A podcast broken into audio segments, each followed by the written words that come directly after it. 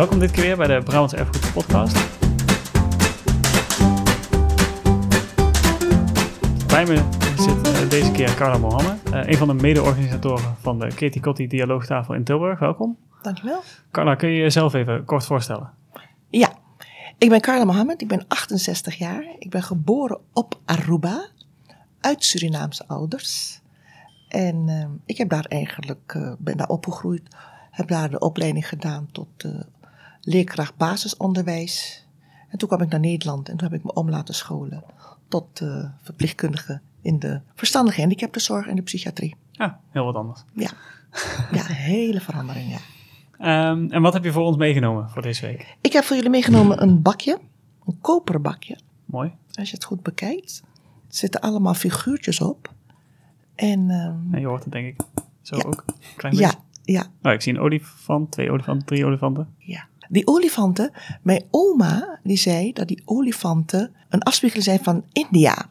Maar mijn oma, die dit bakje gebruikte, die kwam helemaal niet oorspronkelijk uit India. Maar die had het. En die zei, die heb ik weer gekregen van mijn moeder. Oh, het is echt een, eh een familie-erfstuk. Ja, voor mij, ik heb het gewoon meegenomen. En mijn moeder gebruikte dit ook. En ik vond het zo mooi wat ze ermee deed. Ik denk van, oh, dat moet ik houden. Dus ik heb eigenlijk steeds mijn ogen erop gehouden. We hadden er twee. Mhm. En eh, ik heb eentje gehouden. En, ja, want wat, ja, het is een bakje. We- Weet je waar die voor gebruikt werd? Of Nou, mijn moeder, nog ik, wat? ik weet alleen dat mijn moeder het gebruikte om eh, een uitgedoofde sigaar. Die, die deed ze in houtskolen. Dat deden, maakten we zelf van eh, Mhm. gebrand hout.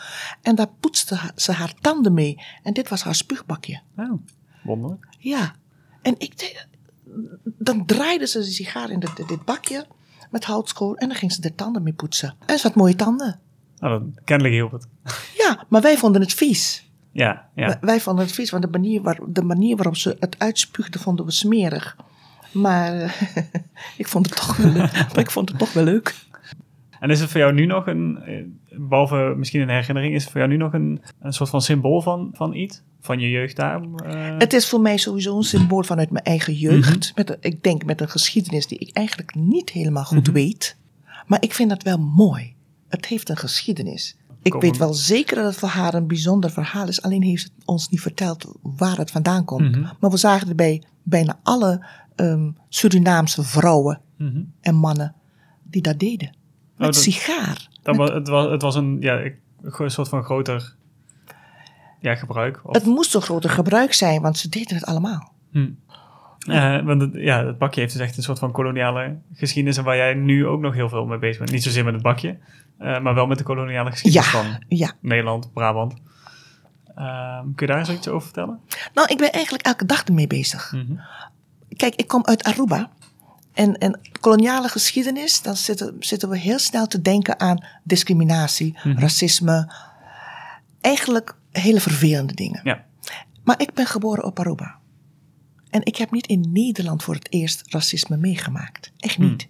Ik kom van een eiland, Aruba, waar ik met mijn zwarte huid al heel snel, al heel vroeg geconfronteerd werd met racistische uitspraken. Mijn ouders hebben ons altijd zo opgevoed van, luister, als iemand jullie uitscheldt voor zwart, word niet boos, want je bent zwart. Oké. Word niet boos. Wat ben je? Ben je wit? Nee, je bent zwart. Mhm. Reken erop dat mensen je altijd aan zullen spreken op je huidskleur. Dat was bijna geïnternaliseerd. eh, Op het Dan. eiland, ja. Ja. ja. Weet je, naarmate je groter wordt, denk je, ja, natuurlijk kom ik er daar tegen. Natuurlijk, als je de geschiedenis kent. Als je de geschiedenis kent, wij zijn een kolonie geweest van Nederland. En als je de geschiedenis kent, kolonie, koloniale tijd, dan is het idee wat heerste tijdens de koloniale tijd, dat degene met de lichtste huidskleur bovenaan de ladder Mhm, mhm. stond, nog steeds staat in onze beleving, eh, dan kun je het begrijpen. Dat de mensen daar ook zo dachten. Want Aruba, in tegenstelling tot Curaçao, die, die hecht meer waarde aan de Indiaanse bevolking. En ik zie er niet uit als een Indiaan. Want het- je wil zeggen, het is eigenlijk gewoon onderdeel van het, eh, van het systeem. Is onderdeel zin. van het Of systeem. geweest en eigenlijk nog steeds. Nog je. steeds, nog steeds. Hoe, hoe, hoe lichter van huidskleur je bent, hoe hoger je op de ladder komt te staan. Ben je daarna ook meer met de geschiedenis bezig gegaan? Van hoe is dit nu Eh, hoe is dit systeem, dit koloniale systeem, wat dan nog steeds een soort van ja, na-app dat doorleeft, uh, hoe is dat nou ontstaan? Ik ben erin gedoken toen ik in Nederland kwam wonen. Hm. Want? Want ik werd daar elke dag geconfronteerd met anders zijn. Daar schrok ik van. Want je, je bent opgeleid, Mhm. je, gaat, je wil verder studeren, want ik kwam om verder te studeren, kwam ik uh, in Nederland. En je kwam naar ontwikkeld land. Het is een totale andere werkelijkheid als je erin leeft. Als je er dagelijks mee geconfronteerd wordt. Mhm. Dus ik dacht, oh, oké, okay, dan ga ik het heel goed, ga ik heel goed opletten. En ik ging inderdaad heel goed opletten, maar je voelde het gewoon van, oeh, je bent wel anders. Je bent uiteindelijk in Brabant terechtgekomen. Uh, ja. Je woont nu in Tilburg. Ben je daar al ook meteen, toen je daar ging wonen, uh, met, met slavernij en het slavernijverleden, koloniale verleden bezig? Nou, ik ben, ja. ik ben voor mezelf ben ik wel daarmee mm -hmm. steeds bezig geweest. Ik stond voor de klas. Mm -hmm. En ieder jaar met in jullie viering probeerde ik het wel weer te bespreken. Maar er, het was geen beleid op school. Het, het stond ook niet in de, in de leerplannen. Mm -hmm. En het is afhankelijk van wat je zelf ermee doet. Dus toen ik het wel deed, toen werd ik ook eigenlijk niet, niet, niet lelijk benaderd hoor. Toen werd ik ook benaderd van, van, van wat doe je nou en wat geef je nou? En dan liet ik ze zien wat ik deed. Mhm. Mm -hmm. Ik haalde het gewoon van uh, de computer af, Mhm. al die filmpjes die de kinderen zien. Ik had groep 5 en 6. En die kinderen vonden het ontzettend interessant. Dus dat zei ik ook een paar keer. Ja, maar dat hoeft niet, want uh, het wordt niet getoetst. Ik dacht, Ja, oké. Okay. En niemand deed dat. Dus toen deed ik het wel. Als de kinderen kwamen bij mij in groep 5, 6, deed ik het wel. Nou ja, die hebben het dus wel een beetje, een beetje meegekregen. Die hebben het een beetje meegekregen. Of ze het onthouden, weet ik niet. Maar ze hebben het wel een beetje meegekregen. En wat je zag, is dat de kinderen hele, hele goede vragen stelden. Echt. En Zoals? Nou, bijvoorbeeld van, goh, waarom doen mensen elkaar zo'n pijn? Hm. Waarom gebeurde dat toen op die manier? En waarom alleen met zwarte mensen? Mhm. Waarom? Konden ze niet vechten? Hadden ze geen wapens? Nou, ik zou ze doodschieten. Dat zijn kinderen, hè?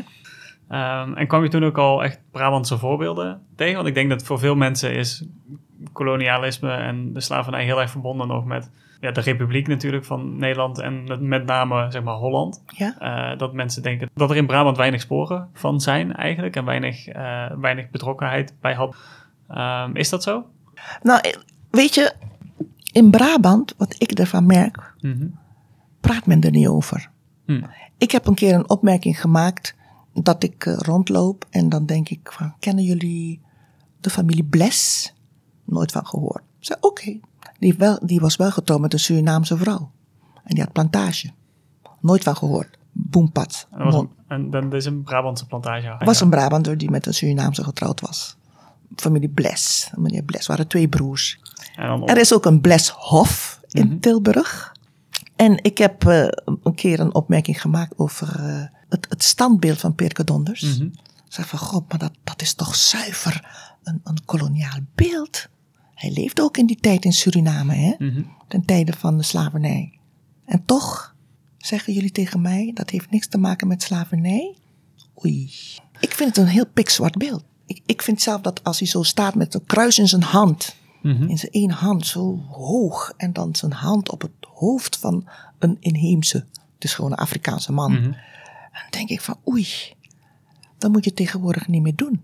En van- wanneer is het beeld opgericht, weet je dat? Niet- het is niet- 1926, Ja, na, precies, nadat hij, zoiets. zoiets, na zijn dood hè, Ja, dus hij weet er niks ja van. nee, precies. Maar toch zeg ik dan, als ik dat beeld zie, dan heb ik heel veel vragen. Want dan denk ik, waarom, waarom adoreren we Pirke Donders? Waarom heeft hij een naam? Mhm. Waarom heeft die man die knielt geen naam? Hm. Hoe komt dat? Waarom beelden we Pirke Donders af als degene die alles goed deed? Heeft hij het alleen gedaan? Waar, waar waren zijn metgezellen? Mhm. Dus ik heb alleen maar vragen. Hoe lees jij het beeld eigenlijk dan? Om even daarop in te zoomen. Ja, als je, voor, voor mijzelf, als ik Mhm. het zo zie, dan, dan doet het me ook weer pijn. Ik kan er niks aan doen. Mhm. Ik denk van, jeetje mina, moet je kijken, moet je kijken die houding. Ik vind het een hele autoritaire houding van, jij blijft daar beneden en ik sta hier. Met kruis in de hand. Ik denk van, oeh, die kerk, oei, wat heeft die kerk gedaan? Dus dan begin ik, ga ik weer lezen Mhm. over eh, de invloed van de katholieke kerk. Want het was een katholieke eh, pater. Mhm. En dan ga ik me verdiepen in, goh, wat was de rol van de kerk ten tijde van de slavernij? Wat kom je dan allemaal zo Nou, ik, ik vroeg me af, dan ga ik me vragen stellen van, goh, in hoeverre heeft de kerk dit allemaal gesteund? Hm. En waarmee? En hoe? Want waarom sturen we mensen vanuit Nederland naar Suriname? Ze, de ze werden gekerstend of ze Ja. werden eigenlijk, eh, ja, gewoon, ze moesten gewoon van geloof veranderen. M- mooie woorden zeggen ze, dan lees je van dan zieltjes winnen. Ja, precies. Ja. Ja. Kijk, er zijn, ook, er zijn ook mensen die hebben gestudeerd ervoor en die zeggen van ja, ach, het was de tijd van toen. Mhm, Je moet het kijken eh, eh, met de ogen van toen. mhm. En dan kan ik boos om worden. Want? Dan kan ik zo boos om worden. Zeg maar, zo kan je toch alles goed praten? Mhm. Als je, al- als je alles bekijkt met de ogen van toen, dan toon je begrip. Mhm. Dan zeg je van, oh ja, het was niet anders. Ach. Maar dan word ik heel boos, want dan ga ik zeggen van, moet ik andere dingen die veel ook gevoelig liggen in Nederland, Mhm. eh, ook met de ogen van toen bekijken en denken, ach, het was toen? Ja, je loopt het een, een risico van een heel erg groot relativisme, Ja, eigenlijk. ja, Ehm, wat Ja. zichzelf ook in stand houdt, want het was die tijd omdat het toen omdat het zo gebeurde. Ja, precies. Ja, en de mensen konden er zelf niks aan doen, want zo gebeurde het. Oh. Nee, maar, maar, maar het gevaar is Mhm. dat eh, je blame de vi- je blame de victim. Want ik bedoel, die man die, of die vrouw, die zwarte man die slaaf gemaakt is, ja, Mhm. het was de tijd van toen. Ja, die kon er niks aan doen. Dus die bleef slaaf. Och ja, en die gaf het door, want zo is het nou Mhm. eenmaal in de tijd van toen. Maar hallo, ze hebben wel gevochten, hè? Er is wel heel veel verzet gepleegd tegen Mhm. dat systeem van onderdrukking. Ja. En ehm, ja, je bent mede-organisator ook van de Kitty Kotti Dialoogtafel eh, in Tilburg. Ja, Zijn, dat dan, zijn dit soort thema's ook dingen die dan terugkomen? Jazeker. Ehm, of, of zijn het heel andere onderwerpen? nee, wij zoeken altijd de verbinding. Mhm. En dat is het mooie van die Kitty Kotti dialoogtafel. Je zoekt de verbinding met elkaar. Om verbinding te creëren moet je praten. Ja, Je moet elkaar ontmoeten. Je moet precies, je moet met elkaar praten. Ik kan met jou verbinding zoeken door boos te zijn tegen jou. En dan schreeuw ik tegen je. Maar, maar later denk van, goh, sorry, ik had niet zo moeten schreeuwen. En dan heb je weer die connectie. Mhm. You know? Dus je moet met elkaar praten. En het mooie van de Kitty dialoogtafel is dat je met de ander praat. Mhm. Je gaat niet iemand zoeken die al zegt, ja, je hebt gelijk, weet je. We moeten, nee, je moet iemand zoeken die inderdaad anders denkt. En dat is veel interessanter. Maakt het dat ook niet heel erg heftig af en toe? Ja, Ik kan me, zo, ik kan me voorstellen dat er nogal wat... ja nou, maar we proberen, het, we proberen het toch te kanaliseren. Ja. Bijvoor- weet je, van, we, we hechten aan een actueel thema. Mhm. Kijk, we blijven niet alleen stilstaan bij slavernij vroeger. Mhm. We maken ook die connectie van, verdorie, wat hebben we geleerd van die tijd? Want het gebeurt weer. Mhm. Of nog steeds. Er is moderne slavernij. Mensen zeggen ook tegen ons: ach, hou nou op met een gezeur over eh, de slavernijgeschiedenis van de 18e, 19e. Dat is toch zo lang geleden? Ik zeg: als we stoppen, blijft het doorgaan. Kijk maar, het gaat nog steeds door. Dus dit- dan wordt het eigenlijk iets waar je mee bezig moet blijven zijn eigenlijk om te voorkomen dat iets soortgelijks weer, eh, weer plaats gaat vinden. Weet je, het was, het, wa- het was een wereldprobleem, hè? slavernij. Mhm. Het is niet een lokaal probleem, het is een wereldprobleem. Overal had je dat. Europa was de baas. En vooral, nou, noem die, die eilanden, die allemaal eilandjes hadden. En we moeten ervoor zorgen dat we dit bespreekbaar maken. Dat mensen weten hoe het kan gebeuren. Mhm. En daarom moet je wel blijven praten. Je kan niet zeggen van, we moeten ermee stoppen. Het gebeurt nog steeds, in een andere vorm. Ja, Lees de kranten maar. Het is een andere vorm. Maar slavernij komt nog steeds voor. En ik vind dat we dat moeten blijven bespreken. Dus die Kitty Kotti dialoogtafel sluit altijd aan bij actualiteit.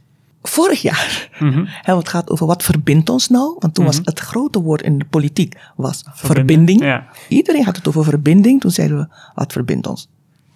Wat verbindt ons met elkaar hier in Nederland? Nou, taal, religie, liefde, Mhm. dat verbindt ons sowieso. En de geschiedenis, de gedeelde geschiedenis. En dat is ook zo. We hebben een gedeelde geschiedenis. Dit jaar gaan we het hebben over ehm, revolutie in transitie naar evolutie. Revolutie in tran- Dat is best wel een ingewikkelde zin als thema. Van, re- van revolutie, Die moet je even uitleggen, denk ik. van revolutie in transitie naar de evolutie. Mhm. Als je het dicht bij jezelf houdt, Mhm. dan heb jij en ik hebben best wel iets Waarbij we dachten, en nou ga ik het echt anders doen. Mhm. Je hebt zitten vechten in jezelf. Een soort revolutie in jezelf. Een soort verzet. Mhm. Verdorie, het moet anders, het moet anders. Ik ga dat doen.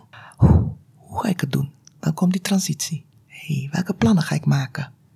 Dat is een ontwikkeling naar de evolutie. En de evolutie is het moment dat je het anders gaat doen, of het proces. Het proces Ja. is anders. En dat, doen, dat beogen wij ook met de Kitty Kotti dialoogtafel. Ga met elkaar in gesprek. Ga die discussie aan. Vecht met elkaar. Verbaal dan. Ja, precies. Verbaal. Mag ook emotioneel. Maar luister naar Mhm. elkaar. Ja. Luister.